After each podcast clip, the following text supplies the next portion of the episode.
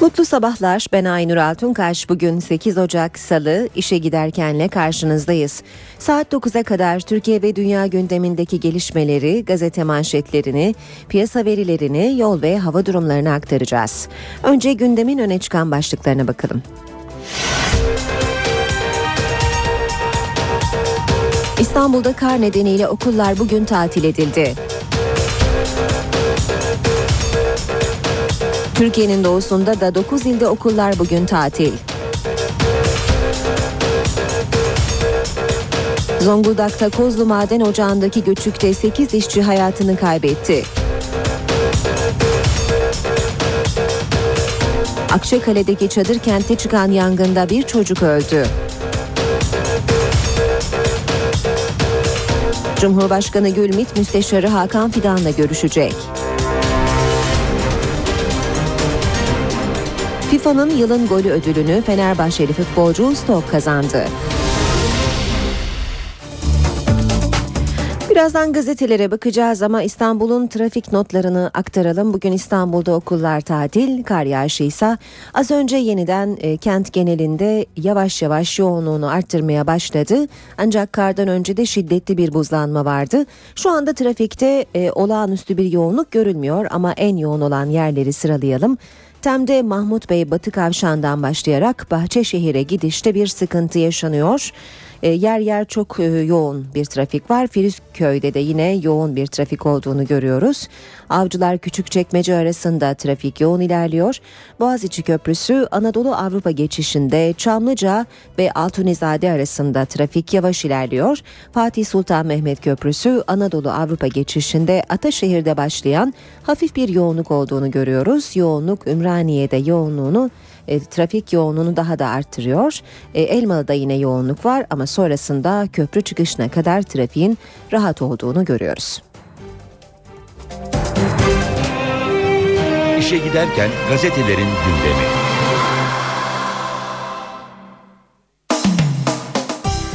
Milliyet gazetesiyle basın özetlerine başlayalım. Tutanaklar açıklansın diyor Milliyet manşette. 28 Şubat'ın Cumhurbaşkanı meydan okudu.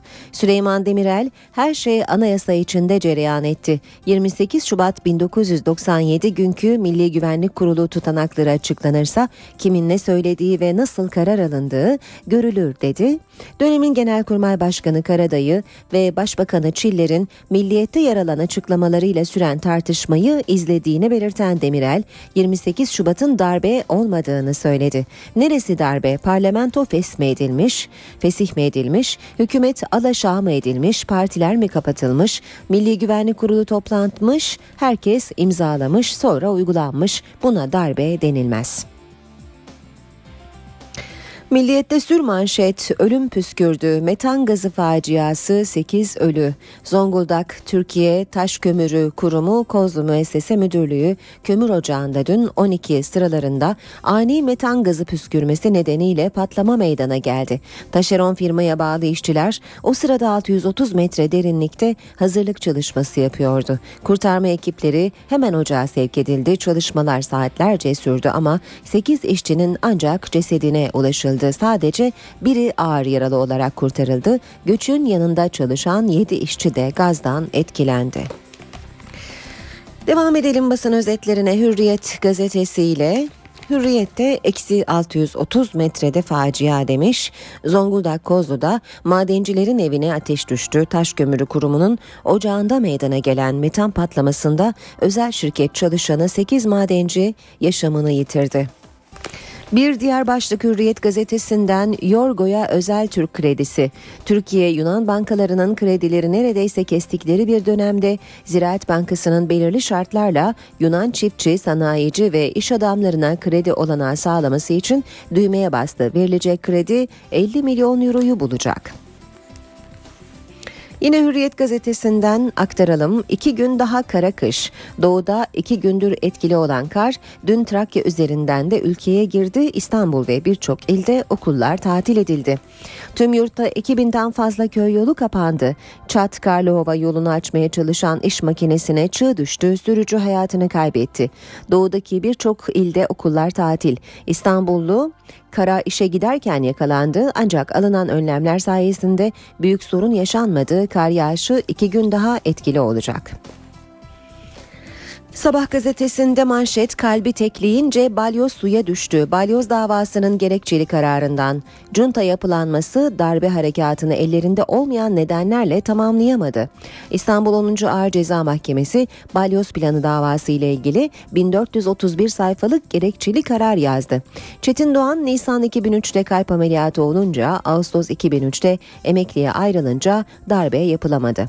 Planı Genelkurmay Başkanlığı ve Kara Kuvvetleri Komutanlığı da öğrendi. Genelkurmay Çetin Doğan'ı uyardı. Tüm dijital bilgiler gerçek, delillerin doğruluğu konusunda mahkemede tam bir kanaat oluştu deniyor gerekçeli kararda. Devam ediyoruz basın özetlerine. İşe giderken de Cumhuriyete bakalım. Cumhuriyette çelişkiler yumağı demiş. Balyoz gerekçesine göre kalp ameliyatı darbeyi önlemiş. Bilirkişi zorunluluğu yokmuş. Gerekçede junta yapılanmasının darbeyi ellerinde olmayan nedenlerle tamamlayamadığı ileri sürüldü. 2003 Mayıs'ında Çetin Doğan'ın kalp ameliyatı olması, Ağustos'ta bazı sanıkların tayin edilmesi, karargahın darbeye karşı çıkması nedeniyle suçun eksik teşebbüs aşamasında kaldığı belirtildi. Genelkurmay'ın belgelerin geçerliliğini teyit ettiği ileri sürüldü. Özel yetkili mahkemenin neye göre ikna olduğu ve hangi kanıtlara göre hüküm verdiği soru işareti yarattı demiş Cumhuriyet haberinde. Bir başka başlık Afrika dönüşü 4-5 bakan yolcu Cumhuriyette. Başbakan Erdoğan'ın Afrika seyahatinin dönüşünde kabinede değişikliğe gitmesi bekleniyor.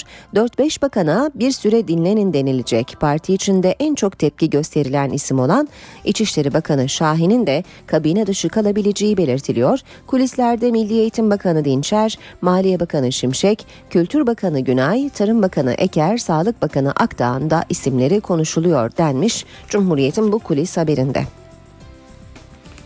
Radikalle devam edelim. Ne var ne yok. Yeni İmralı mutabakatı. Öcalan ikinci görüşmede dört mektup yazacak. Mülak, e, mutabakatta iki konu önemli. BDP'nin ilan ettiği demokratik özellikten vazgeçildi. Öcalan yeni BDP heyetine dört mektup verecek. BDP'ye, Kandil'e, Avrupa'ya ve Türkiye kamuoyuna diyor Radikal haberinde.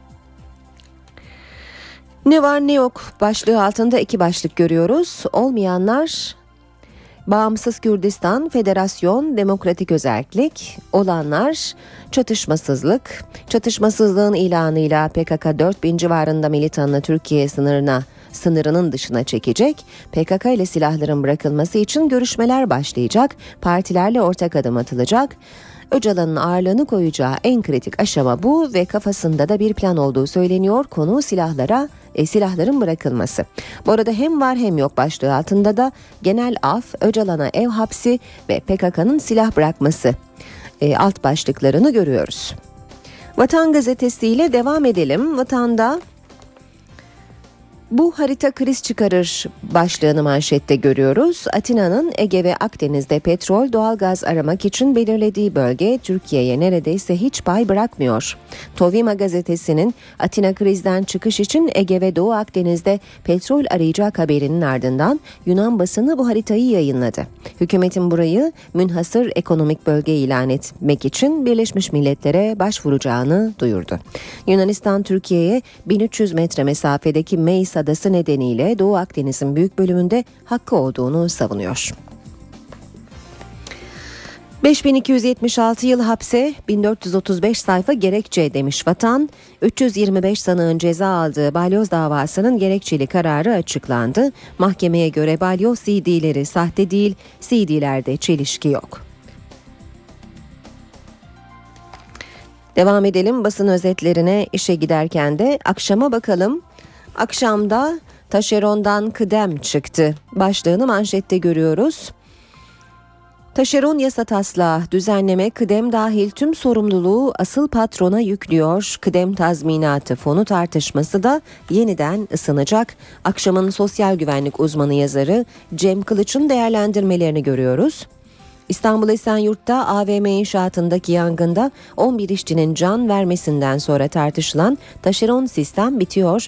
Çalışma Bakanlığı'nın hazırladığı yasa taslağı denetlenemiyor diye eleştirilen taşeronun kontrolünü işverene bırakıyor. Buna göre taşeron işçinin maaşı, primleri ve kıdem tazminatından gerçek patron sorumlu olacak. Maaşı geciktirenler kamudan iş alamayacak deniyor haberin ayrıntılarında.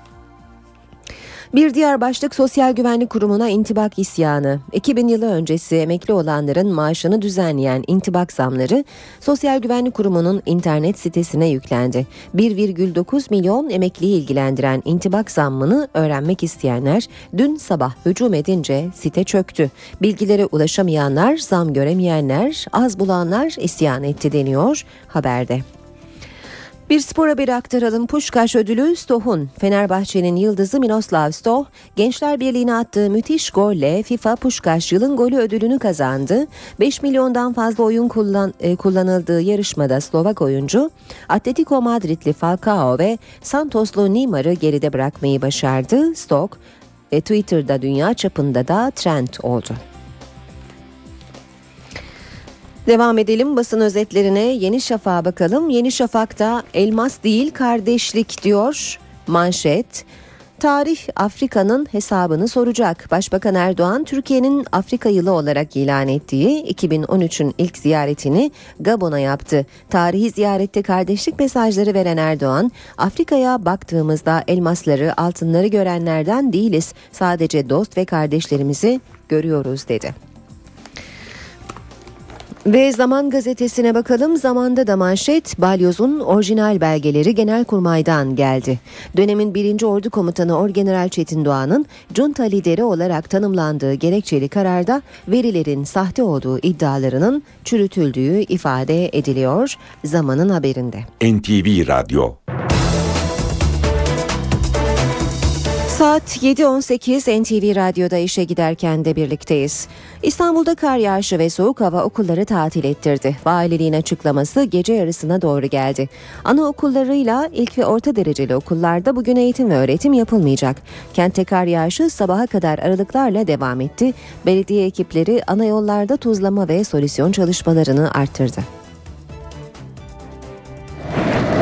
İstanbul'da kar yağışı gece de devam etti. Hava sıcaklığının düşmesiyle birlikte yollarda buzlanma meydana geldi. Kar lastiği takmayan sürücüler buzlanma nedeniyle güç anlar yaşadı. Kavşaklarda hazır bekleyen belediye ekipleri sabaha kadar tuzlama ve solüsyon çalışması yaptı. Çalışmalar bazı yollarda kazaları engelleyemedi. Gece İstanbul Valiliği meteorolojiden aldığı bilgilere göre okulların bugün tatil edildiğini açıkladı. Anaokullarıyla ilk ve orta dereceli okullarda bugün eğitim yapılmayacak. Kamu kurum ve kuruluşlarında çalışan hamile ve engelliler de idari izinli sayılacak. Bazı İstanbullularsa soğuk havaya aldırmadan kar yağışının tadını çıkardı. İstanbul'da kar yağışının yarın öğle saatlerine kadar devam etmesi bekleniyor. İstanbul'da Anadolu yakasında Fatih Sultan Mehmet Köprüsü'nde trafikteki son durumun ayrıntılarını şimdi NTV muhabiri Gözde Kuyumcu'dan dinleyelim. Evet iki hafta önce başlamıştı İstanbulluların karla imtihanı. O zaman beklenenden önce gelen kar yağışı nedeniyle olumsuzluklar yaşanmıştı trafikte ancak bu kez beklenen olmadı. Ve şu anda tabii kar yağışı devam ediyor. Özellikle İstanbul'da yüksek noktalarda. Biz şu anda Otağtepe Köprüsü'ndeyiz. Bulunduğumuz nokta Fatih Sultan Mehmet Köprüsü'nü kuş bakışı gören bir nokta. Şu anda Anadolu yakasından Avrupa yakasına geçişte hafif yoğunluk var. Ancak trafiğin akıcı olduğunu söyleyebiliriz. Aksi yönde de yine gişelere kadar bir nebze yoğunluk var. Boğaziçi Köprüsü'nde sadece Anadolu yakasından Avrupa yakasına geçişte Nakkaştepe'ye kadar trafik olduğunu biliyoruz. Zincirlikuyu ve Mecidiyeköy arasında biraz yoğunluk olduğunu söyleyebiliriz. Buzlanma ve don tehlikesi var tabii ki. Hava sıcaklığı sıfırın altında seyrediyor. Kemerburgaz Seyran Tepe arasında Cendere yolunda bir buzlanma uyarısı yapıldı. Ve tabii karayolları ve belediye ekipleri teyakkuzda araçlar belirli kavşaklarda müdahale için bekletiliyor özellikle riskli bölgelerde. Ancak toplu taşımaya yönlendirilme konusunda uyarılar yine var. Biz de ek seferlerden bahsedelim. 330 ek metrobüs seferi aynı zamanda 880 adet ek otobüs seferi konuldu. Ve tabii e, metro hatlarında da bir aksaklık olmaması için hafif metro enerji hattında dörtlü vagonlar 8'e çıkarıldı ve sefer sıklıkları artırıldı. Şu an için deniz ulaşımında da bir sıkıntı olduğunu söyleyemeyiz. Deniz seferlerinde bir aksaklık yok. Köprülerde son durum böyle gelişmelerle yine karşınızda olacağız. Yoğun kar yağışı yurdun büyük bölümünü esir aldı. Binden fazla köy yolu kapalı. Bazı illerde kar yağışına fırtına da eşlik ediyor. Kar doğuyu esir aldı. Özellikle Erzurum, Erzincan ve Tunceli'de yoğun kar yağışı hayatı durma noktasına getirdi. Erzurum'da hafta sonu yağan karın ardından tipi etkili oldu. Saatteki hızı 90 kilometreyi bulan fırtına çatıları uçurdu. Çat ilçesinde çığ düştüğü ihbarı üzerine karayolları ekipleri olay yerine gitti. Ekipler yolu açmaya çalışırken ikinci çığ düştü. Bir kepçe operatörü kar yığınının altında kaldı. Ekip arkadaşlarının uzun çabaları sonucu 46 yaşındaki operatör Muammer Yalçın yaralı olarak çıkarıldı ancak hastane yolunda yaşamını yitirdi. Bitlis'te gün boyu etkisini sürdüren kar nedeniyle Tatvan-Hizan karayoluna da çığ düştü. Karayolu 4 saat ulaşıma kapandı. Meteoroloji Genel Müdürlüğü yoğun kar yağışının ardından gelen fırtına nedeniyle bölgede çığ tehlikesine karşı uyardı. Bölgede kar ulaşımı da aksattı. 1200 aşkın köye ulaşılamıyor. Doğudaki birçok ilde ise okullar tatil. Tunceli'de kar kalınlığı 2 metreyi buldu. Özellikle Ovacık'ta yoğun kar var. Evlerinin önü karla kaplanan Ovacıklılar işlerine gitmekte zorlandı. İş makineleri kent merkezinde yolları açmak için çalışıyor. Erzurum, Erzincan, Ardahan, Bingöl'de kar kalınlığı kent merkezinde yarım metreye ulaştı.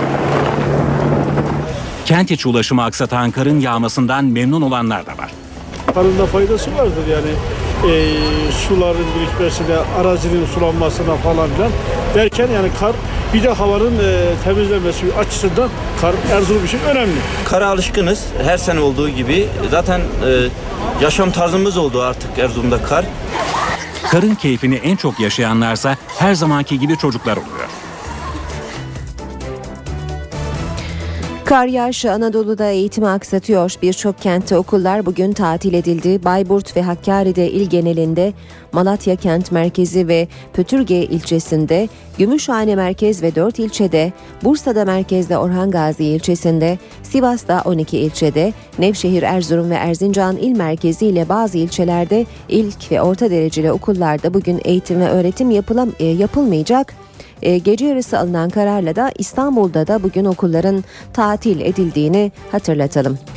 Yurdu etkisi altına alan kar yağışı trafik kazalarını da beraberinde getirdi. Dün gece Bolu ve Yozgat'ta meydana gelen otobüs kazalarında bir kişi hayatını kaybetti, 36 kişi de yaralandı.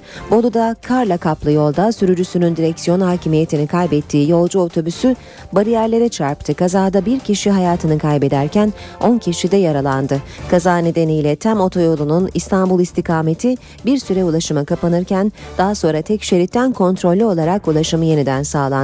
Bir diğer kaza haberi de Yozgat'tan geldi. Yozgat'ın Boğazlayan ilçesi yakınlarında buz tutan yolda devrilen yolcu otobüsü şarampole sürüklendi. Kazada 26 kişi yaralandı. İşe giderken Zonguldak'ta Kozlu Maden Ocağı'nda dün öğle saatlerinde meydana gelen göçükte 8 işçi hayatını kaybetti. Göçüye aniden püsküren metan gazının neden olduğu belirtildi. 3 kişinin cesedi hala göçük altında.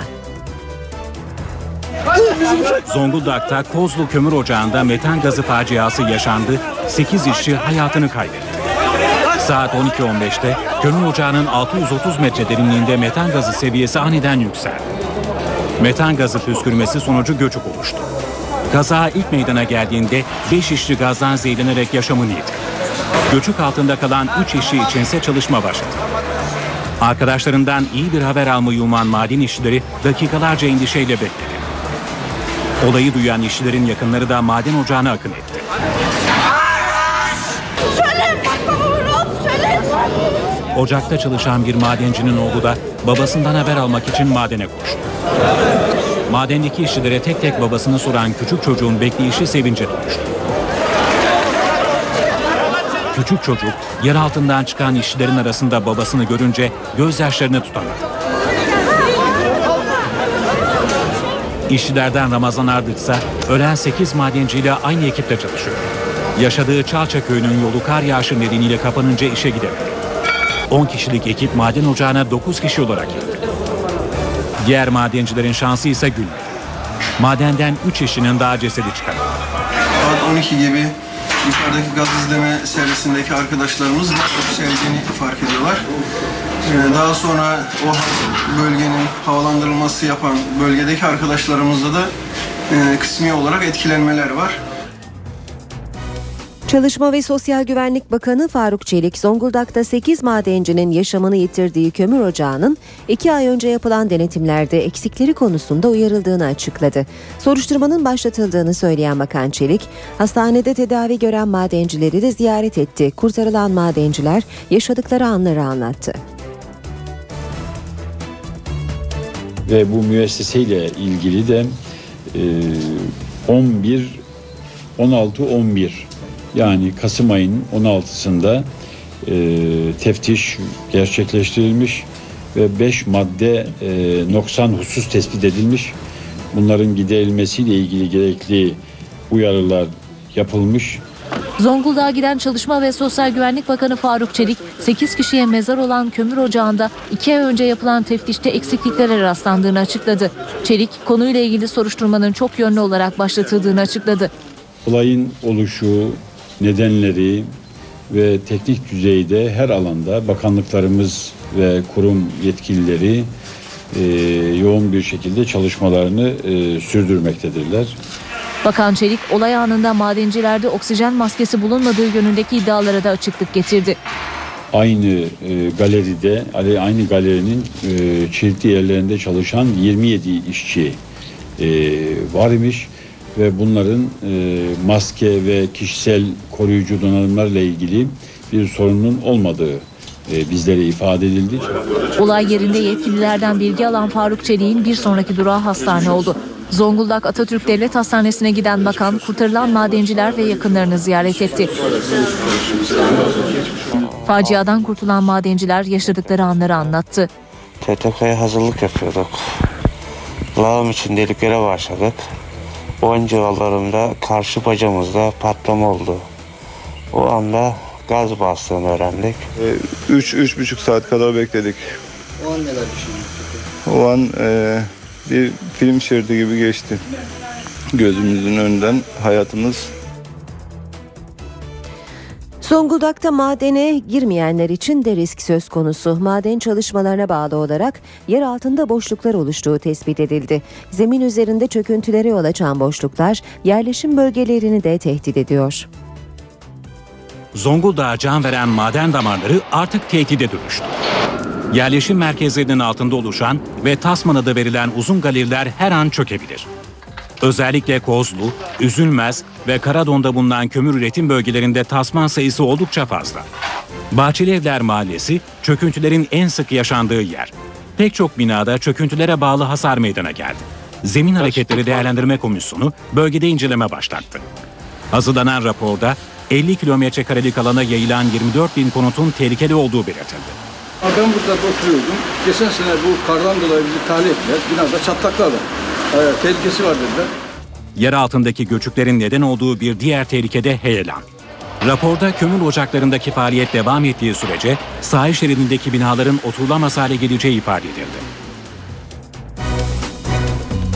Birazdan spor haberlerine bakacağız ama şimdi kısa bir aramız var. Ara vermeden önce gündemin başlıklarını hatırlatalım. İstanbul'da kar nedeniyle okullar bugün tatil edildi. Türkiye'nin doğusunda da 9 ilde okullar bugün tatil. Zonguldak'ta Kozlu Maden Ocağı'ndaki göçükte 8 işçi hayatını kaybetti. Akçakale'deki çadır kentte çıkan yangında bir çocuk öldü. Cumhurbaşkanı Gülmit Müsteşarı Hakan Fidan'la görüşecek. FIFA'nın yılın golü ödülünü Fenerbahçeli futbolcu Stok kazandı.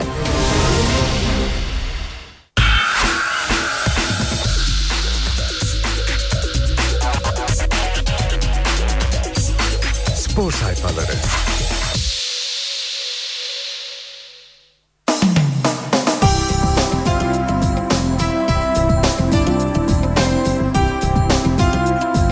İşe giderken spor haberleriyle devam edecek. Habertürk'ten okuyarak başlayalım. Hodri Meydan Özellikle Galatasaray Fenerbahçe derbisi sonrası Türkiye'nin gündemine oturan Merkez Hakem Kurulu Başkanı Zekeriya Alp'in açıklamalarını görüyoruz. Aziz Yıldırım ve Raul Miraleş'e açıklamaları var, mesajları var. Bir de spor kamuoyuna yönelik mesajlar ve başlıklar altında toplanmış. Aziz Yıldırım'a yönelik sözleri şöyle. Halis Özkahya'nın Raul Miraleş'le ilgili raporunu değiştirdiği söyleniyor. Hakim raporu asla değişmez. Sadece ek bir rapor verilebilir ki bu ilk raporun değiştiği anlamına gelmez. İlk raporun değiştiği kanıtlansın. Merkez Hakem Kurulu Başkanlığında bir dakika bile durmam. Miraleş'e yönelik açıklaması şöyle, ortada bir gerçek var. Miraleş, Halis Özkahya'ya tükürdü. Zaten çekimlerden de çok belli tükürdüğü. Halis gördüğünü, yaşadığını ve algıladıklarını raporuna yazdı. Bir insanın durup dururken yalan mesaj vermesi mümkün mü? Merkez Hakem Kurulu Başkanı Zekeriya Alp Spor kamuoyuna da şöyle seslenmiş. Halis Özkahya da Fırat Aydın Usta Fenerbahçe maçlarına çıkacak. Belki yakın bir zamanda olmaz ama ileriki haftalarda görevlendirme yapılabilir. Kulüpler onu istemem bunu istemem yaklaşımına girerse hakem bulamayız. Devam edelim yine Habertürk'ten okumaya. Yılın golü Stoh'tan. French Pushkaş ödülünün sahibi belli oldu. Ne Falcao ne de Neymar. 5 milyon kişi oy kullandı. Dünyada 2012 yılının en güzel golü Fenerbahçeli Miroslav Stoh'un Gençler Birliği ağlarına ışınladığı füze seçildi. Slovak Yıldız İsviçre'de düzenlenen muhteşem törende ödülünü Kolombiyalı efsane Valderrama'nın elinden aldı. Fenerbahçeli'nin göğsü kabardı. Bir diğer başlık nasıl oynatılmaz? Holosko Fenerbahçe'de forma giyen vatandaşı Stoh'a sahip çıktı. Beşiktaş'ın Slovak yıldızı Stoh çok kaliteli bir oyuncu. Keşke bizde olsa. O da benimle oynamayı istiyor ama maliyeti çok yüksek. 10 milyon euroyu çok zor verirler dedi. Hürriyet gazetesinin spor sayfalarını çevirmeye başlayalım şimdi de. Altın golcü Stoh başlığını yine görüyoruz. Fenerbahçe'nin Slovak futbolcusu Stoh, FIFA Puskás yılın golü ödülünün sahibi oldu. Deniyor haberin ayrıntılarında. Devam edelim bir başka başlıkla.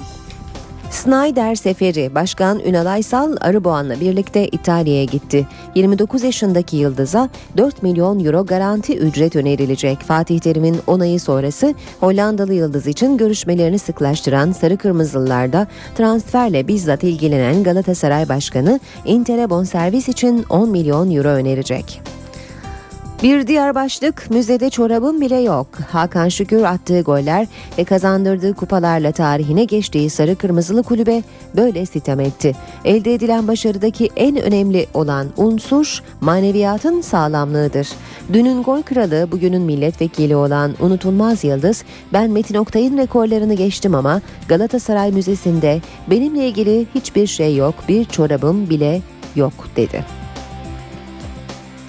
Devam ediyoruz. Hürriyet gazetesinden aktarmaya arenayı kar etkilemedi Beşiktaş derbisine yetişecek. İstanbul'daki yoğun kar yağışı stadının zeminini yenilemeye çalışan Galatasaray yönetiminde yürekleri ağza getirdi ama korkulan olmadı. Miraleş armayı şov için öpmedi. Fenerbahçeli yıldızı, Fenerbahçe'nin yıldızı Gökhan Gönül Portekizli takım arkadaşına destek oldu. Dışarıdan bu takıma bakanlar o sevgiyi asla anlayamazlar. Galatasaray maçında kırmızı kart gördükten sonra Raul'un yaptıklarını insanlar yanlış değerlendirdi. Takımımızı gerçekten seviyor sanki 5 yıldır bizimleymiş gibi. 6 puan fark futbolda bir şey değil. Şampiyonluğa inandıklarını söyleyen Kayt, bu hedef için takım olarak kenetlenmeliyiz dedi. Belhanda el yaktı. Montpellier ücret arttırdı. Fenerbahçe Başkan Vekili Abdullah Yığılı transferi askıya aldık dedi. 10 bin fitte fair play. Futbolda yaşanan gerginliklere parkeden mesaj geldi. Türkiye Kupası finalinde yendikleri Fenerbahçe ile aynı uçakta dönen Galatasaraylı kadın basketbolcular ezeli rakiplerine saygısızlık etmemek için kutlama yapmadılar, sevinç gösterisinde bulunmadılar. Fenerbahçeliler tebrik etti. Galatasaray Basketbol Şubesi Genel Koordinatörü Murat Özyer, Fenerbahçe kafilesiyle beraber yaptığımız yolculukta hiçbir sıkıntı olmadı. Biz kaybettiğimiz Cumhurbaşkanlığı kupası sonrası onları tebrik etmiştik. Sonra da Birsel, Meral ve Yasemin önderliğindeki Fenerbahçeli oyuncularla Sayın Kemal Dinçer gelip bizi kutladı. Sporcuların arasındaki bu güzel iletişimin artık tribünlere de yansımasını diliyoruz dedi. Devam edelim. Hürriyet gazetesinden aktarmaya yine. Fener tahttan düştü. Bogdanovic'in 17 sayısı takımının farklı yenilgisine engel olamadı. Fenerbahçe 3 hafta önce Galatasaray'dan devraldığı liderliği dün Anadolu Efes'e kaptırdı. Skor 94-76. Aybaba yerli e, yerliye yöneldi. Bonservissiz yabancıya evet. Beşiktaş Teknik Direktörü takımın istikrarını bozmak istemediğini söyledi. Tecrübeli hoca bu saatten sonra alınacak yabancı ne verir bilinmez dedi. Devam ediyoruz. Spor haberleri aktarmaya. Hürriyet gazetesinden okuduk. Şimdi geçelim Milliyet gazetesine. Belhanda satrancı. Fenerbahçe yönetimi yıldız oyuncuyla her konuda anlaşmaya vardı. Ancak bonservis konusu sıkıntı yarattı. Montpellier kulübünün astronomik rakamlarda diretmesi üzerine Sarı lacivertler transferi askıya aldığını açıkladı. Belhanda'nın Afrika Kupası'nda yer alacak olması nedeniyle beklemeyi tercih eden yönetim Fransızların inadını kırmak istiyor. Yeni transfer Riera. Galatasaray'da Riera'nın performansı teknik direktör Fatih Terim'i rahatlattı. Afrika Kupası'na giden Amrabat'ın yokluğunda sol kanatta oynayacak olan İspanyol oyuncu Antalya'da harikalar yaratıyor.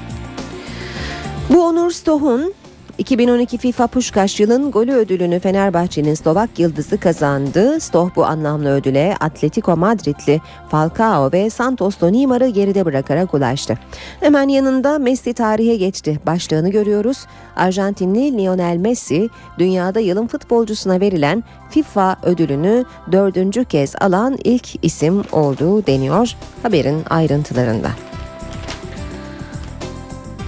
Giray Kaçar'a rapor şartı başlığını görüyoruz. Ankara'da kontrolden geçirilen Trabzonsporlu futbolcunun kalbinde ritim bozukluğu tespit edildi. Ediz Bahtiyaroğlu'nun vefadı nedeniyle büyük endişe içinde olan Bordo Maviller, Giray'dan tam teşekküllü bir hastaneden rapor almasını istedi.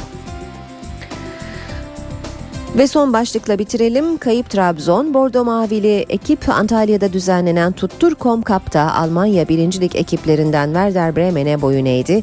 İlk devrede yakaladığı fırsatları değerlendiremeyen Karadeniz temsilcisi ikinci yarıda gelen gollerle gollere engel olamadı ve maçı 2-0 kaybetti. Şimdi İstanbul trafiğine bakacağız. İşe giderken İstanbul'da bugün kapalı yol yok ancak kar yağışı e, sabah erken saatlerde yeniden başladı. E, buzlanma vardı çok erken saatlerde. E, sürücülerin e, özellikle yan yollarda biraz daha dikkatli seyretmeleri önem taşıyor. Bakalım şu anda köprülerle başlayalım. E, Fatih Sultan Mehmet Köprüsü Anadolu Avrupa geçişinde Çakmak Köprüsü itibarıyla yoğun bir trafik olduğunu görüyoruz. Çavuşbaşı'ndan sonra Kavacık'a kadar biraz daha e, akıcı bir e, trafik olsa da sonrasında köprü girişine kadar yeniden yoğunlaşıyor. Ters yönde ise Anadolu yakasına geçişte Fatih Sultan Mehmet Köprüsü trafiği oldukça e, rahat. Ancak Ümraniye kavşağına yaklaşırken trafikte yine kısa süreli bir yoğunluk olduğunu görüyoruz. Boğaziçi Köprüsü'nde de trafik nispeten daha e, açık Çamlıca'dan başlayan ve Altunizade'ye kadar devam eden bir trafik olduğunu görüyoruz. Köprü girişinde de yine yığılmalar var. Köprü çıkışından sonra trafik rahatlıyor. D100 karayoluna bakalım. Şu anda Şirin Evler Çoban Çeşme arası yoğun, ters yönde ise Şirin Evler'den başlayan ve Cevizli Bağ'a uzanan bir trafik var. Devamında Topkapı Otakçılar arasında trafik yavaş seyrediyor. e, Haliç Ok Meydanı arasında da yine yavaş seyirli bir trafik var. Ayrıca Mecidiyeköy Çağlayan arasında da çok hafif bir yoğunluk olduğunu görüyoruz. O 3'te ancak e, bir kaza var. Bayrampaşa yönünde maddi hasarlı bir kaza meydana geldi ve bu sebeple e, orada trafik yoğun. Tem otoyoluyla devam edelim. Şu anda Bahçeşehir Mahmut Bey arasında çift yönlü yer yer çok yoğun seyreden bir trafik var. Aynı şekilde Küçükçekmece Avcılar arasında da yine çift yönlü bir yoğunluk olduğunu görüyoruz. Tem'de Tekstil Kent'ten başlayan ve Karayolları Mahallesi'ne kadar uzanan yine çok yoğun bir trafik var. E, ters yönde de Tekstil Kent'e kadar trafik yoğun seyrediyor. Ancak Karayolları Mahallesi'nden e, itibaren köprü e, çıkışına kadar tam otoyolunda trafiğin rahat olduğunu söyleyebiliriz. Anadolu yakasına da bakalım. Anadolu yakasında Maltepe Kozyatağı arasında bugün e, çift yönlü bir e, yoğun trafik olduğunu söylemek mümkün.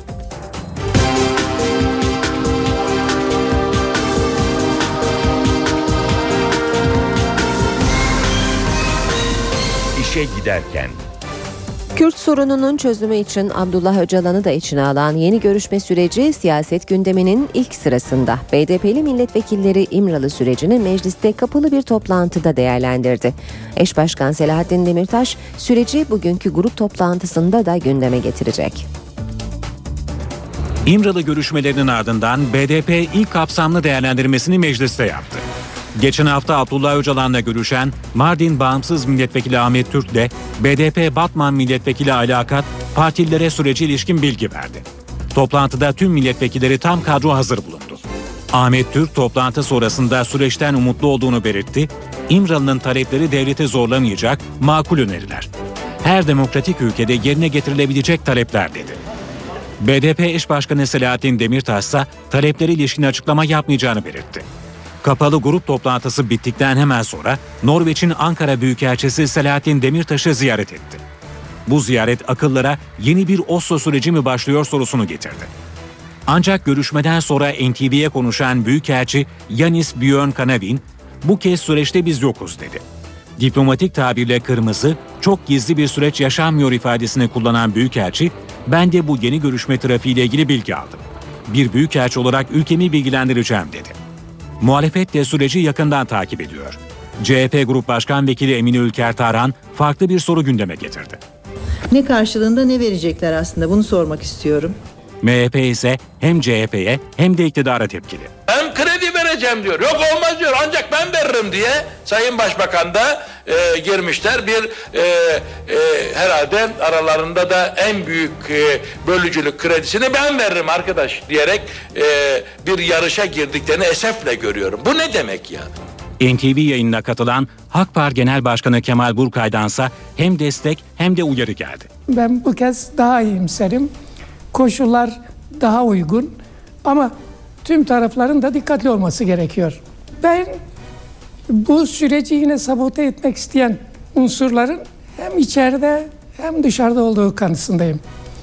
Yani basına yansıyan, medyaya yansıyan bilgilerden anlıyoruz ki Öcalan'dan, Öcalan'ın kendisi de bundan endişeli. İmralı'da Abdullah Öcalan'la yaptığı görüşme MİT Müsteşarı Hakan Fidan'ı bir kez daha gündemin ilk sırasına yerleştirdi. Fidan'ın 2003'te TİKA Başkanlığı ile başlayan bürokratik kariyeri Başbakanın en güvendiği isimlerden biri olarak Oslo ve İmralı görüşmelerine kadar uzandı. Peki Hakan Fidan'ı ne kadar tanıyoruz? İşte Fidan'la ilgili notlar. Başbakan'a göre o Türkiye'nin geleceğinin sır küpü. Ankara doğumlu, 44 yaşında, evli, 3 çocuk babası. MİT Müsteşarı Hakan Fidan, Türk Silahlı Kuvvetleri'ne 1986'da girdi. İstihbarat subayı olarak başlayan kariyeri, aldığı yurt dışı göreviyle yükseliş dönemine girdi. NATO'da istihbarat ve harekat başkanlığında görev yaparken Almanya'da yönetim ve siyaset bilimi alanlarında lisans eğitimini tamamladı. Fidan Türkiye'ye dönüşünde Bilkent Üniversitesi'nde istihbarat ve dış politika başlıklı master tezi hazırladı. 2001'de ordudan ayrıldı. İki yıl sonra da Türk İşbirliği ve Kalkınma İdaresi TİKA Başkanlığı'na atandı. Artık daha göz önünde bir isim olmuştu. Fidan kariyerindeki ikinci önemli virajı 2007'de Başbakanlık Müsteşar Yardımcısı olduğunda döndü. Kısa zamanda Başbakanın en güvendiği isimler arasına girdi. Bu süreçte özel temsilci sıfatıyla görevler üstlendi. Takvimler 2010 yılını gösterdiğinde bugünkü görevi olan MİT müsteşarlığına atandı. PKK ile MİT yöneticilerinin Oslo'da görüştüklerini ortaya koyan ses kaydı basına sızınca Hakan Fidan ismi bir anda Türkiye'nin gündemine oturdu. Eylül 2011'de başlayan bu süreçte Hakan Fidan muhalefetin hedef tahtasındaydı. Ancak başbakan sürpriz bir çıkış yaptı, Oslo'ya gönderen benim diyerek Hakan Fidan'a sahip çıktı. KCK soruşturmasını yürüten Başsavcı Sadrettin Sarıkaya'nın ifadesini almak istediğinde Başbakan bir kez daha Fidan'dan yana tavır aldı. Hakan Fidan için özel yasa çıktı, MİT yöneticilerinin soruşturulması bizzat Başbakanın iznine bağlandı. Soruşturma izni isteyen savcılar görevden alındı. Hakan Fidan şimdi bir kez daha gündemde. İmralı'da Öcalan'la yapılan görüşmeler bizzat Hakan Fidan tarafından yürütülüyor.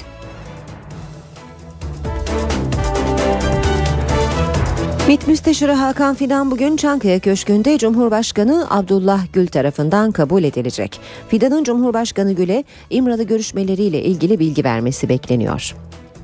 Marx, Lenin, Mahir Çayan, Nazım Hikmet, Said Nursi ve Abdullah Öcalan. Hepsi de 3. yargı paketiyle özgürleşen isimler. Ankara Cumhuriyet Başsavcılığı 453 kitap, 645 gazete, dergi, broşür ve pankart üzerindeki 63 yıllık yayın yasağını kaldırdı. Yasağa kalkan yayınlar arasında Abdullah Öcalan'a ait 3 kitap da var. Üçüncü yargı paketi Abdullah Öcalan'a değil ama kitaplarına özgürlük getirdi. Öcalan'ın Kürt sorununda demokratik çözüm bildirgesi, 12 Eylül faşizmi, PKK direnişi ve Barışa Doğru Roma konuşmaları adlı kitaplarının yayın yasağı kalktı. Üçüncü yargı paketiyle sadece Öcalan'ın değil, Marx, Lenin, Mahir Çayan, Nazım Hikmet ve Said Nursi'nin eserleri de özgürleşti. 31 Aralık 2011'e kadar Ankara mahkemeleri veya Bakanlar Kurulu kararıyla hakkında toplatma, yasaklama, dağıtım ve satışın engellenmesi kararı bulunan 453 kitapla 645 gazete, dergi, broşür ve pankart hakkındaki yasak kalktı. Ankara Cumhuriyet Başsavcı Vekili'nin aralarında terör örgütü elebaşı Abdullah Öcalan'ın 3 kitabının da bulunduğu 13 yasaklı kitabın yasağının devamı talebi de hakimlikçe reddedildi.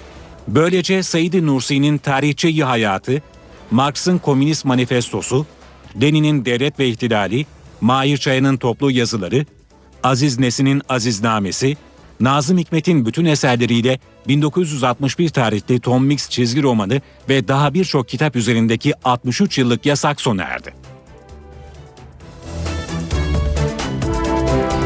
Kültür ve Turizm Bakanlığı onlarca yıldır saklı kalan görüntüleri arşivlerden çıkardı. Görüntüler restore edildi ve dijital ortama aktarıldı. Tarihte bir yolculuğa çıkaran çok özel görüntülerin arasında Atatürk'ün orijinal sesinin en net hali de var. Ulu Önder Mustafa Kemal kürsüde meclisin açılış konuşmasını yapıyor. Sayın milletvekilleri, sizi sevgiyle, saygılarımla selamlayarak 5. derdenin ikinci senesini açıyorum. Gündeminde ise mübadele kararının ardından ana vatana dönüşü süren Türk vatandaşları var. Ana vatana yeni kavuşan göçmen vatandaşlarımızın isyanı başlıca işlerimizdendir. Aldığımız neticeler ümit vericidir. Atatürk'ün gerçek sesinin en net duyulduğu bu kayıtlar 1980 ihtilalinin ardından toplatılarak depolara kaldırılan görüntü ve film arşivinden çıktı. Ve millet işlerinde yeni yenilikler Kültür ve Turizm Bakanlığı arşivi yeniden açtı. Proje kapsamında şimdiye kadar 600 bin metre uzunluğunda film arşivi restore edildi. Bu nitrat tabanlı filmler 1896 yılına kadar elimizdeki en eski veri şu anda öyle. Filmlerin restore edilmesi, temizlenmesi, gelecek kuşaklara da aktarılması ve tüm kullanıcıların, araştırmacıların, tarihçilerin, meraklıların ve kamuoyunun hizmetine sunulması amacıyla büyük bir projenin ilk nüveleridir bunlar. 600 bin metre elimizde nitrat tabanlı film var. Görüntüler arasında Atatürk'ün yanı sıra 1918'de tahta çıkan Osmanlı Devleti'nin son padişahı Vahdettin ve eski başbakan Adnan Menderes'in 1950'li yıllara ait daha önce görülmemiş kareleri de yer alıyor. Son teknolojiyle restore edilen görüntüler bakanlığın 24 saat korunan özel arşivlerinde saklanıyor. NTV Radyo Herkese yeniden günaydın. Ben Aynur Altunkaş. NTV Radyo'da birlikteyiz. Birazdan hava durumuna bakacağız. Şimdi gündemin başlıklarını hatırlatalım.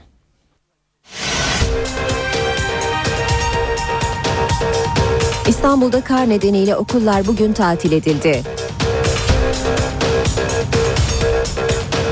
Türkiye'nin doğusunda da 9 ilde okullar bugün tatil. Zonguldak'ta Kozlu Maden Ocağı'ndaki göçükte 8 işçi hayatını kaybetti. Akçakale'deki çadır kentte çıkan yangında bir çocuk öldü. Cumhurbaşkanı Gülmit Müsteşarı Hakan Fidan'la görüşecek. FIFA'nın yılın golü ödülünü Fenerbahçeli futbolcu Stok kazandı. Hava durumu için Gökhan Abur yanımızda. Günaydın. Günaydın. Ee, yine yurdun büyük bir bölümünde kış koşulları yaşamı olumsuz etkiliyor. Bugün neler söyleyeceksiniz? Evet soğuk hava bugün Ege ve Akdeniz'de etkisi altına aldı ve sıcaklıkları bir hayli düşürdü. Şu anda İzmir'de hava sıcaklığı 2 derece, Antalya 4 derece ve daha da soğuyacak. Hatta hemen şunu vurgulayabilirim. Bu gece İzmir ve Antalya'da gece sıcaklıklarının eksi değerlere düşmesini bekliyoruz. Üreticiler dikkatli olmalı. Evet karayel yönlü rüzgar havayı soğutmaya devam ediyor. Şu anda Trakya'da yağış yok ama çok soğuk bir hava var. Edirne eksi 5 derecenin altında ama karayel yönlü rüzgar Karadeniz üzerinden taşıdığı bulutlarda İstanbul'daki yağışı zaman zaman kuvvetlendirecek. Bu yağışların kar yağışının e, ki sabah erken saatlerde tekrar biliyorsunuz İstanbul'un belli yerlerinde kar başladı. İstanbul'un belli yerlerinde özellikle daha e, trafiğin az olduğu diyebileceğim bölgelerde buzlanma var. Köprülerde, viyadüklerde buzlanmaya karşı çok dikkatli olun. E, soğuk hava etkisini cuma gününe kadar İstanbul'da da sürdürecek. Evet ülkenin büyük bir çoğunluğunda kar devam ediyor. Özellikle e, Marmara'nın güneyinde, doğusunda, Batı Karadeniz bölgesinde yer yer yoğun kar yağışı var. Doğu Karadeniz bölgesi soğumaya başladı. Artvin'de kar yağışı başladı. İlerleyen saatlerde Trabzon'da da karla karışık yağmurun başlamasını ve yükseklerde karın etkili olmasını bekliyoruz. Doğuda yoğun bir kar yağışı var. Hemen Güneydoğu'ya bakıyorum. Güneydoğu'da da hızlı bir soğuma var. Orada da özellikle Diyarbakır Adıyaman arasındaki yağışlar kar şeklinde olacak. Gaziantep'te karla karışık yağmur bekliyoruz. Aynı şekilde Şanlıurfa Mardin'deki yağışlar da yüksek kesimlerde karla karışık yağmur şeklinde olacak. Bu sistem hafta ortasına kadar etkisini sürdürecek. Özellikle soğuk ve yağışlı havanın hemen hemen artık e, iç ve doğu kesimlerdeki etkisini uzun süre sürdürmesini bekliyoruz ama batıda lodosa dönecek rüzgarla beraber perşembeden itibaren sıcaklıklarda birkaç derecelik yükseliş olacak. Bu yükselişle birlikte lodos tekrar hafta sonu sıcaklıkları yükseltirken beraberinde yeniden yağış getirecek ama önümüzdeki hafta yeniden batı bölgeler soğuk havanın etkisine girecek. Ama bu iki gün hava çok soğuk, don var, buzlanma var. Tedbirli olmakta fayda var diyorum. Teşekkür ediyoruz. Gökhan Abur bizimleydi.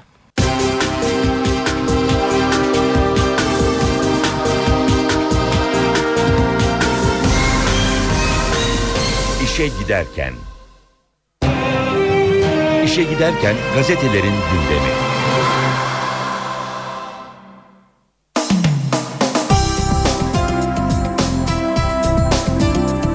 İşe giderken basın özetleriyle devam ediyor. Milliyet gazetesiyle başlayalım. Tutanaklar açıklansın demiş Milliyet manşette. 28 Şubat'ın Cumhurbaşkanı meydan okudu. Süleyman Demirel her şey anayasa içinde cereyan etti. 28 Şubat 1997 günkü Milli Güvenlik Kurulu tutanakları açıklanırsa kimin ne söylediği ve nasıl karar alındığı görülür dedi. Dönemin Genelkurmay Başkanı Karadayı ve Başbakan Çil, Başbakanı Çiller'in milliyette yer alan açıklamalarıyla süren tartışmayı izlediğini belirten Demirel, 28 Şubat'ın darbe olmadığını söyledi. Neresi darbe? Parlamento fesih mi edilmiş? Hükümet alaşağı mı edilmiş? Partiler mi kapatılmış? Milli Güvenlik Kurulu toplanmış, herkes imzalamış, sonra uygulamış. Buna darbe denilmez. Yine Milliyet gazetesinden bir başlık ölüm püskürdü. Metan gazı faciası 8 ölü. Zonguldak Türkiye Taş Kömürü Kurumu Kozlu Müessese Müdürlüğü kömür ocağında dün 12 sıralarında ani metan gazı püskürmesi nedeniyle patlama meydana geldi. Taşeron firmaya bağlı işçiler o sırada 630 metre derinlikte hazırlık çalışması yapıyordu. Kurtarma ekipleri hemen ocağa sevk edildi. Çalışmalar saatlerce sürdü. Ama 8 işçinin ancak cesedine ulaşıldı. Sadece biri ağır yaralı olarak kurtarıldı. Göçüğün yakınında çalışan 7 işçi de gazdan etkilendi. Hürriyet gazetesine geçelim. Yorgo'ya özel Türk kredisi diyor Hürriyet manşetinde. Türkiye Yunan bankalarının kredileri neredeyse kestikleri bir dönemde Ziraat Bankası'nın belirli şartlarla Yunan çiftçi, sanayici ve iş adamlarına kredi olanağı sağlaması için düğmeye bastı. Verilecek kredi 50 milyon euroyu bulacak. İki gün daha kara kış. Doğuda iki gündür etkili olan kar dün Trakya üzerinden de ülkeye girdi. Tüm yurtta 2000'den fazla köy yolu kapandı. Çat Karlova yolunu açmaya çalışan iş makinesine çığ düştü, sürücü hayatını kaybetti. Doğudaki birçok ilde okullar tatil. İstanbullu kara işe giderken yakalandı ancak alınan önlemler sayesinde büyük sorun yaşanmadı. Kar yağışı iki gün daha etkili olacak. Geçiyoruz sabah gazetesine. Kalbi tekleyince balyoz suya düştü diyor manşeti e, sabahın. Balyoz davasının gerekçeli kararından notları görüyoruz. Junta yapılanması darbe harekatını ellerinde olmayan nedenlerle tamamlayamadı. Çetin Doğan Nisan 2003'te kalp ameliyatı olunca ve Ağustos 2003'te emekliye ayrılınca darbe yapılamadı. Planı Genelkurmay Başkanlığı ve Kara Kuvvetleri Komutanlığı da öğrendi. Genelkurmay Çetin Doğan'ı uyardı. Tüm dijital bilgiler gerçek. Delillerin doğruluğu konusunda mahkemede tam bir kanaat oluştu. Darbe planı görüşüldü ifadesi dil sürçmesi olamaz, zaman çelişkisi yok, plan güncellendi. Sanıkların her biri darbeden haber, haberdardı. Bununla ilgili çeşitli görevler aldı. Haberi e, Cumhuriyet gazetesinde de manşette görüyoruz. Ama başlık çelişkiler yumağı, balyoz gerekçesine göre kalp ameliyatı darbeyi önlemiş, bilirkişi zorunluluğu yokmuş. Gerekçede junta yapılanmasının darbeyi ellerinde olmayan nedenlerle tamamlayamadığı ileri sürüldü. 2003 Mayıs'ında Çetin Doğan'ın kalp ameliyatı olması, Ağustos'ta bazı sanıkların tayin edilmesi, karargahın darbeye karşı çıkması nedeniyle suçun eksik teşebbüs aşamasında kaldığı belirtildi. Genelkurmay'ın belgelerin geçerliliğini teyit ettiği ileri sürüldü. Özel yetkili mahkemenin neye göre ikna olduğu ve hangi kanıtlara göre hüküm verdiği soru işareti yarattı. Hürriyette bir diğer başlık Afrika dönüşü 4-5 bakan yolcu. Başbakan Erdoğan'ın Afrika seyahatinin dönüşünde kabinede değişikliğe gitmesi bekleniyor.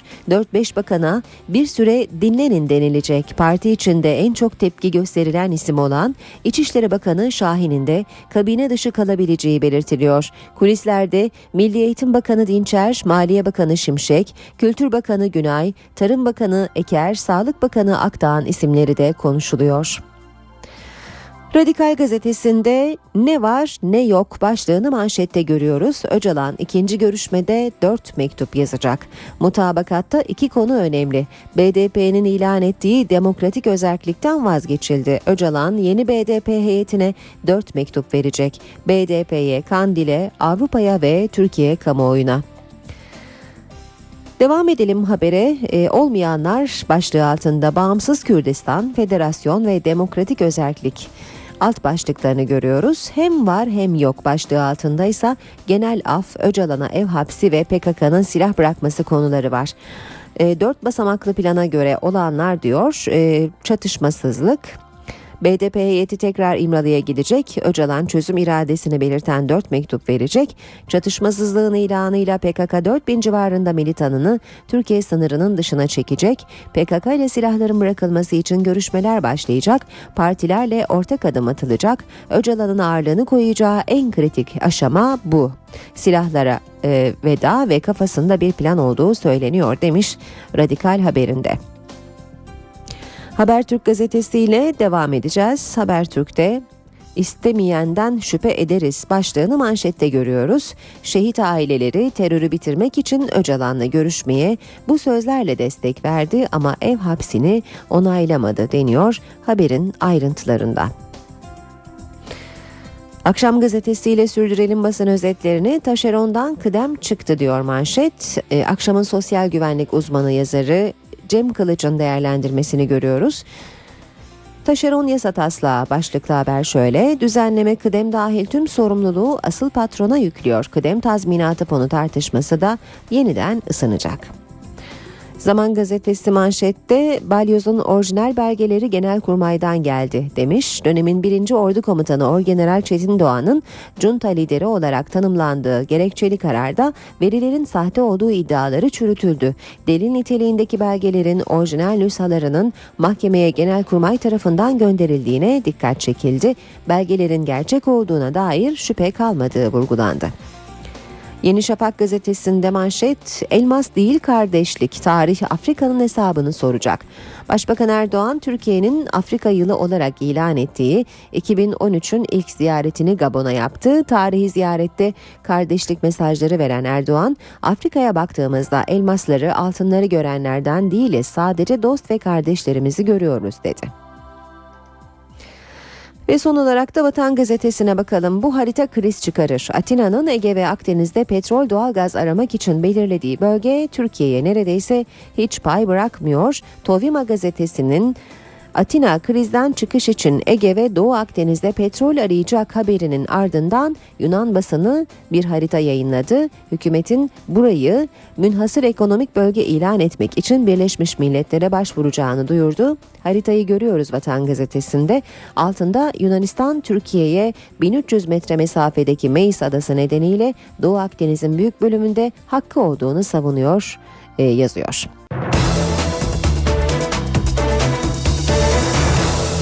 ...8.18'i gösteriyor saatimiz işe giderken de birlikteyiz.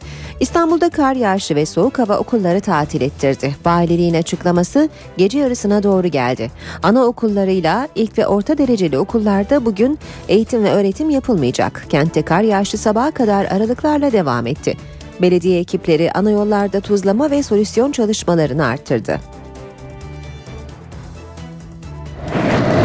İstanbul'da kar yağışı gece de devam etti. Hava sıcaklığının düşmesiyle birlikte yollarda buzlanma meydana geldi. Kar lastiği takmayan sürücüler buzlanma nedeniyle güç anlar yaşadı. Kavşaklarda hazır bekleyen belediye ekipleri sabaha kadar tuzlama ve solüsyon çalışması yaptı. Çalışmalar bazı yollarda kazaları engelleyemedi. Gece İstanbul Valiliği meteorolojiden aldığı bilgilere göre okulların bugün tatil edildiğini açıkladı. Anaokullarıyla ilk ve orta dereceli okullarda bugün eğitim yapılmayacak. Kamu kurum ve kuruluşlarında çalışan hamile ve engelliler de idari izinli sayılacak. Bazı İstanbullularsa soğuk havaya aldırmadan kar yağışının tadını çıkardı. İstanbul'da kar yağışının yarın öğle saatlerine kadar devam etmesi bekleniyor.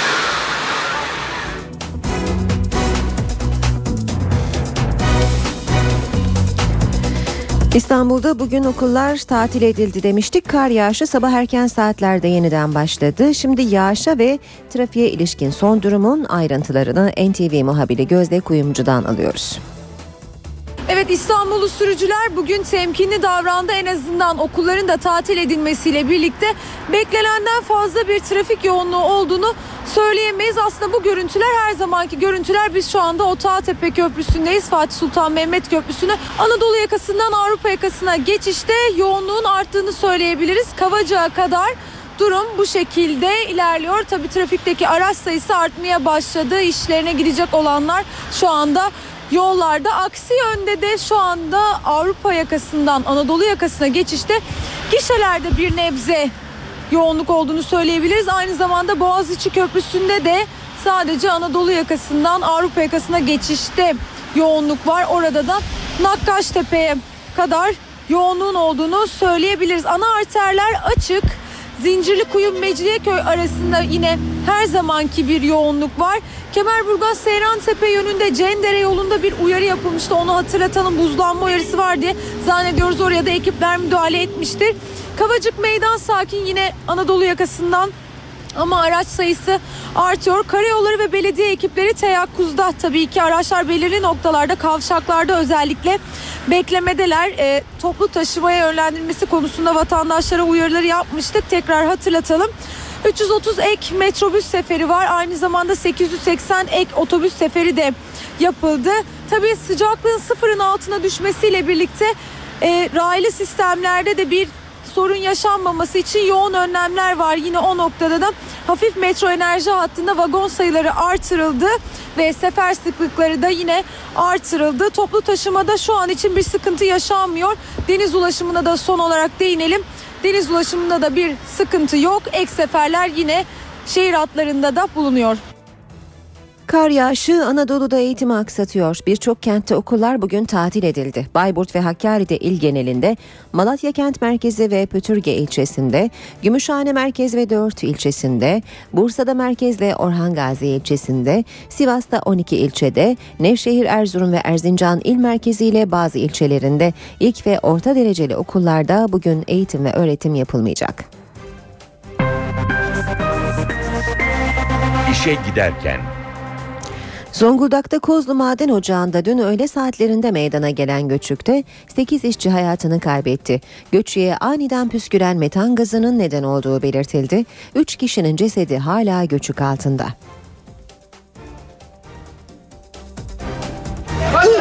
Zonguldak'ta Kozlu Kömür Ocağı'nda metan gazı faciası yaşandı. 8 işçi hayatını kaybetti. Saat 12.15'te kömür ocağının 630 metre derinliğinde metan gazı seviyesi aniden yükseldi. Metan gazı püskürmesi sonucu göçük oluştu.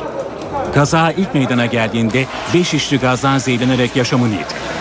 Göçük altında kalan 3 işçi içinse çalışma başladı.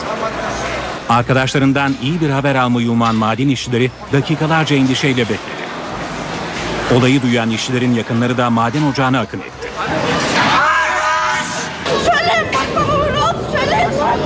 Ocakta çalışan bir madencinin oğlu da babasından haber almak için madene koştu. Madendeki işçilere tek tek babasını soran küçük çocuğun bekleyişi sevince dönüştü. Küçük çocuk yer altından çıkan işçilerin arasında babasını görünce gözyaşlarını tutamadı. İşçilerden Ramazan Ardıç ise ölen 8 madenciyle aynı ekipte çalışıyor. Yaşadığı Çalça köyünün yolu kar yağışı nedeniyle kapanınca işe gidemedi. 10 kişilik ekip maden ocağına 9 kişi olarak girdi. Diğer madencilerin şansı ise gülmedi. Madenden 3 işçinin daha cesedi çıkarttı. Saat 12 gibi yukarıdaki gaz izleme servisindeki arkadaşlarımız bir sevdiğini fark ediyorlar. Ee, Daha sonra o bölgenin havalandırılması yapan bölgedeki arkadaşlarımızda da e, kısmi olarak etkilenmeler var.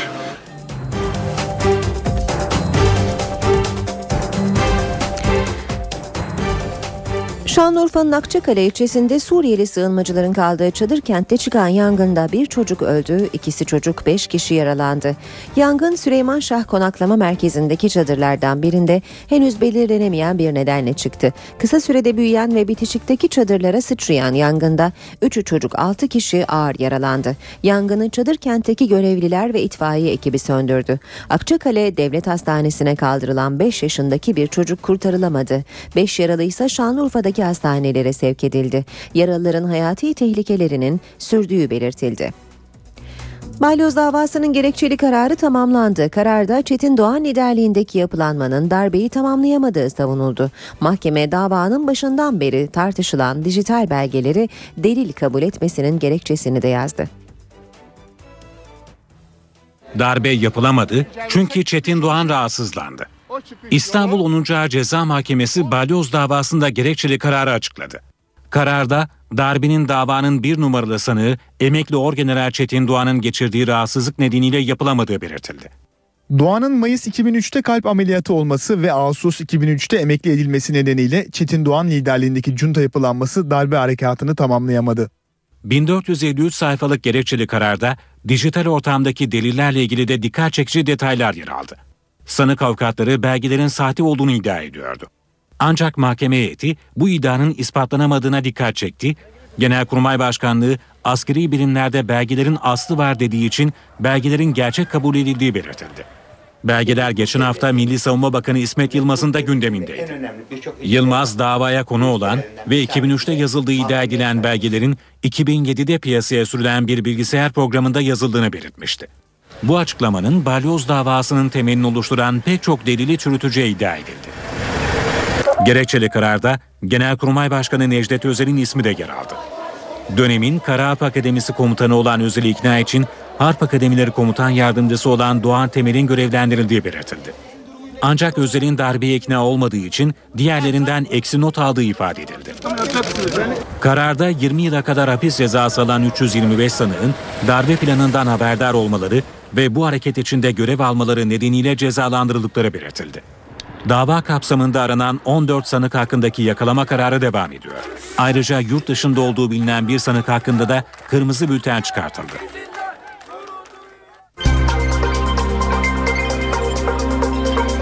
Ankara gündemi.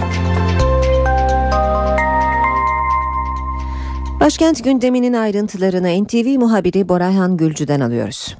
Başkent Ankara'da gündemin en sıcak başlığı geçtiğimiz hafta olduğu gibi yeniden başlayan İmralı görüşmeleri olacak. Bilindiği gibi ilk önce MİT Müsteşarı Hakan Fidan İmralı'da bir görüşme gerçekleştirmişti. Ondan bir hafta sonra da Barış ve Demokrasi Partisi'nden milletvekilleri Ahmet Türk ve Ayla Akat oraya gittiler ve Öcalan'la görüştüler ve böylelikle de yeni süreç başlamış oldu. Bu süreçle birlikte neler olacak, hangi adımlar atılacak? Devlet yetkilileri konuya ilişkin görüşmelerin detayına ilişkin bilgi vermekten kaçınıyorlar. Ancak hepsinin söylediği tek bir şey var. İlk olarak bu sürecin sağlıklı işleyebilmesi noktasında PKK'nın terör örgütünün silah bırakması gerekiyor. Silah bıraktıktan sonra süreç adım adım ilerleyecek. Peki bu sürece ilişkin detaylar neler olacak? İşte bu detaylara ilişkin bir görüşme gerçekleşecek bugün. Cumhurbaşkanı Abdullah Gül MİT Müsteşarı Hakan Fidan'ı Çankaya Köşkü'nde kabul edecek ve orada neler neler konuşulduğunu, planın nasıl işleyeceğini, yeni müzakere sürecini Hakan Fidan Cumhurbaşkanı Abdullah Gül'e anlatacak. Bugün günlerden salı Türkiye Büyük Millet Meclisi'nde de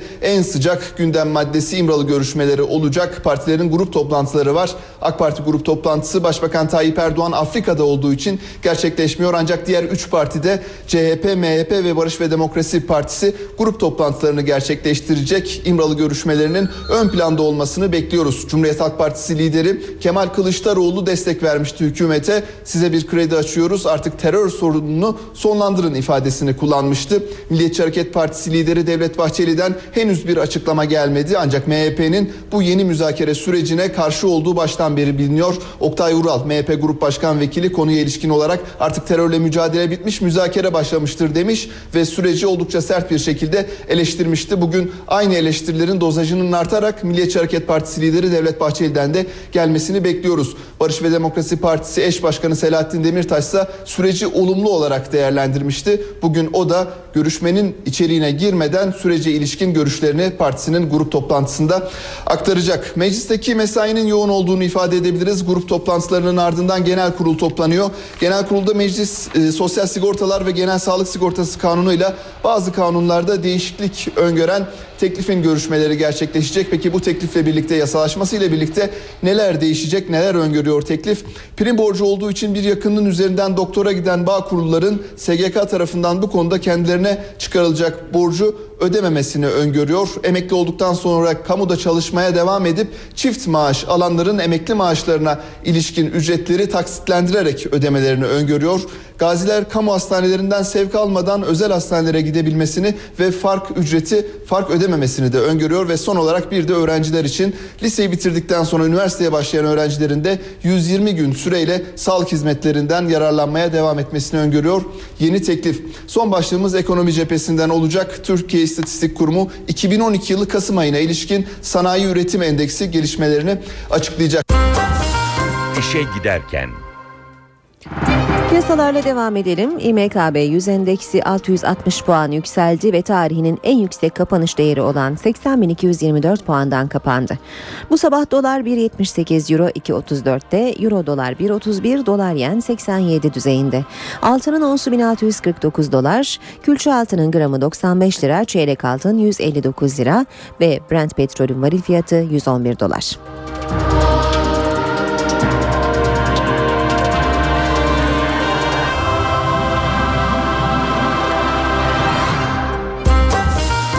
İşe giderken Saat 8.30 ben Aynur Altunkaş NTV Radyo'da işe giderken de birlikteyiz. İstanbul'da trafik e, bugün biraz daha rahat alınan önlemlerin işe yaradığını görüyoruz. Trafikteki araç sayısı biraz daha az birkaç güne nazaran. E, kar yağışı devam ediyor. Özellikle Fatih Sultan Mehmet Köprüsü'nde Çavuşbaşı e, köprü girişi arasında yoğun bir trafik olduğunu söyleyelim. Boğaziçi Köprüsü Anadolu Avrupa geçişinde ise Çamlıca'da başlayan yoğunluk var ve köprüye yaklaşırken yerini rahat bir trafiğe bırakıyor. Bunun dışında köprülerde geçişler oldukça rahat. Anadolu yakasına geçişlerde bir sorun görünmüyor. D100 karayolunda e, Şirin Evler'den başlayan ve Anıt Mezar'a kadar devam eden çift yönlü bir yoğunluk olduğunu söyleyelim. Tem'de ise Tekstil Kent Akşemsettin arasında yoğun bir trafik var. Daha da geride ise Firuzköy ve e, Altınşehir arasında ağır ilerleyen bir trafik olduğunu görüyoruz. Ters yönde ise Mahmut Bey gişeler ve Altınşehir arasında trafik yavaş seyrediyor. Küçükçekmece Avcılar arasında da yine yoğunluk çift yönlü devam ediyor. Küçük Yalı Bostancı arasında da e, yine yoğun bir trafik olduğunu söyleyelim. Ayrıca Kartal'da e, çalışmalar sebebiyle yoğunluk bu sabahta etkisini sürdürüyor. Kısa bir ara vereceğiz. Ara vermeden önce gündemin başlıklarını hatırlatalım.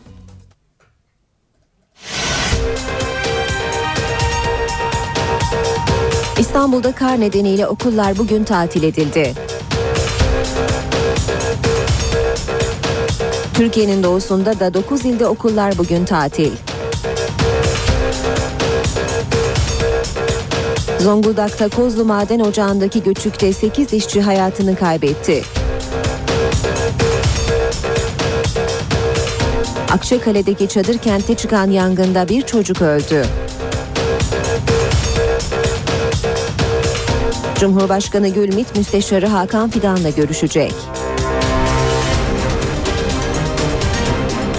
FIFA'nın yılın golü ödülünü Fenerbahçeli futbolcu Stok kazandı.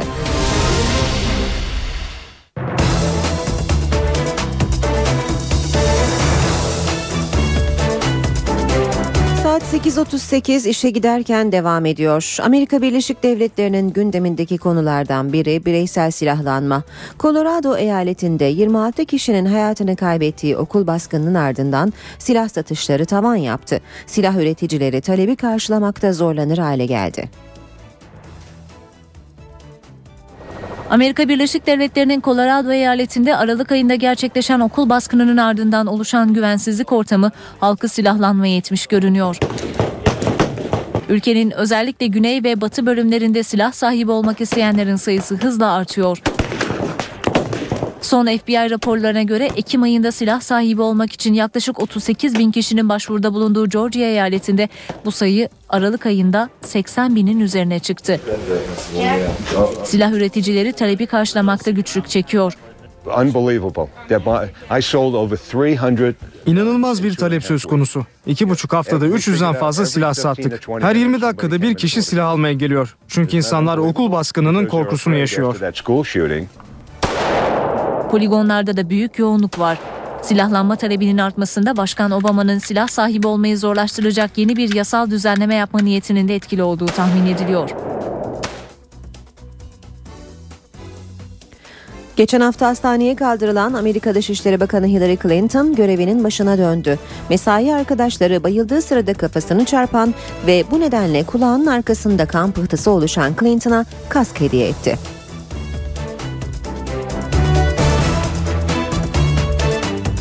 Amerika Birleşik Devletleri Dışişleri Bakanı Hillary Clinton işbaşı yaptı.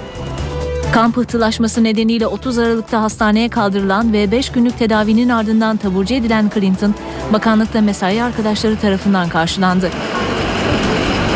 Bakan yardımcısı Thomas Knight bayılarak kafasını vuran ve bu nedenle sağ kulağının arkasında kan pıhtısı oluşan Hillary Clinton'a Amerikan futbolu kaskı hediye etti.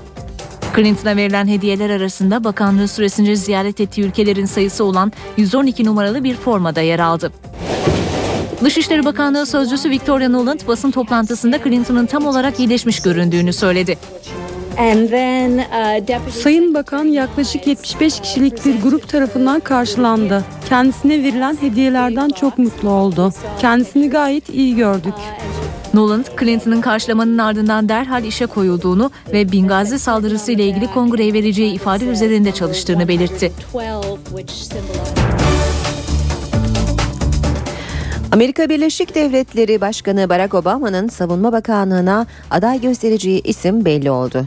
Bu isim eski Cumhuriyetçi Senatör Chuck Hagel. Hegel, Atatürk hayranı ve Ermeni soykırım iddialarına destek vermeyen bir politikacı.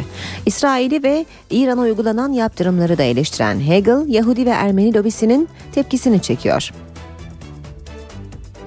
Look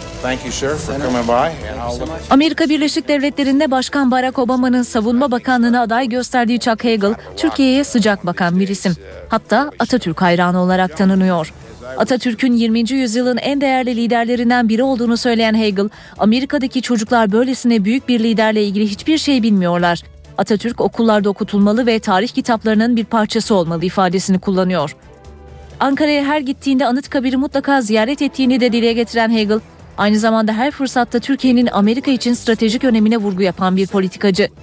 Ermeni soykırımı iddiaları ile ilgili olarak 1915'te olanlar 1915'te kaldı. Bence bu konu tarihçilere bırakılmalı diyen Hegel, Türkiye'nin tavrına yakın bir isim. Hegel, Ermeni lobisinin yanı sıra İsrail ve Yahudi lobisinin de pek sıcak bakmadığı bir aday.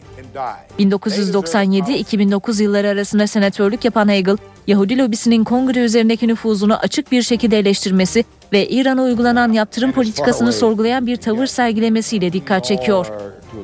Chuck Hagel 2000 yılındaki ikinci intifada sürecinde İsrail'e destek veren mektubu imzalamayan dört senatörden biriydi.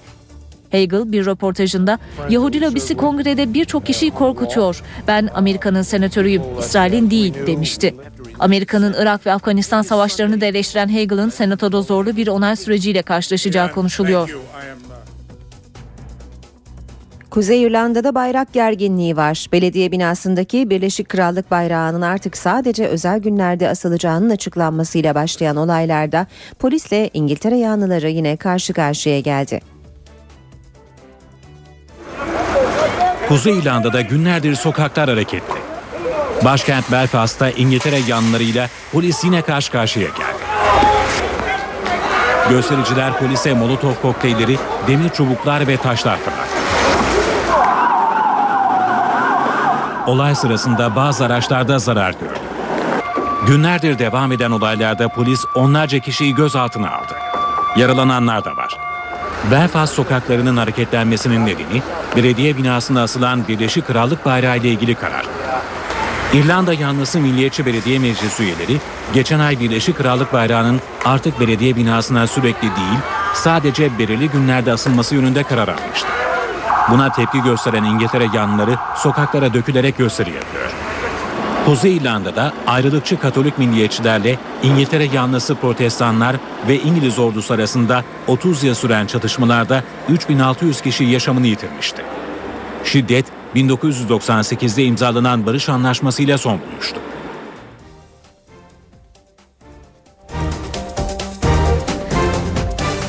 İşe giderkenin bugün de sonuna geldik. Saat 8.44 ben Aynur Altunkaş. Saat başında gelişmelerle yeniden karşınızda olacağız. Hoşçakalın. NTV Radyo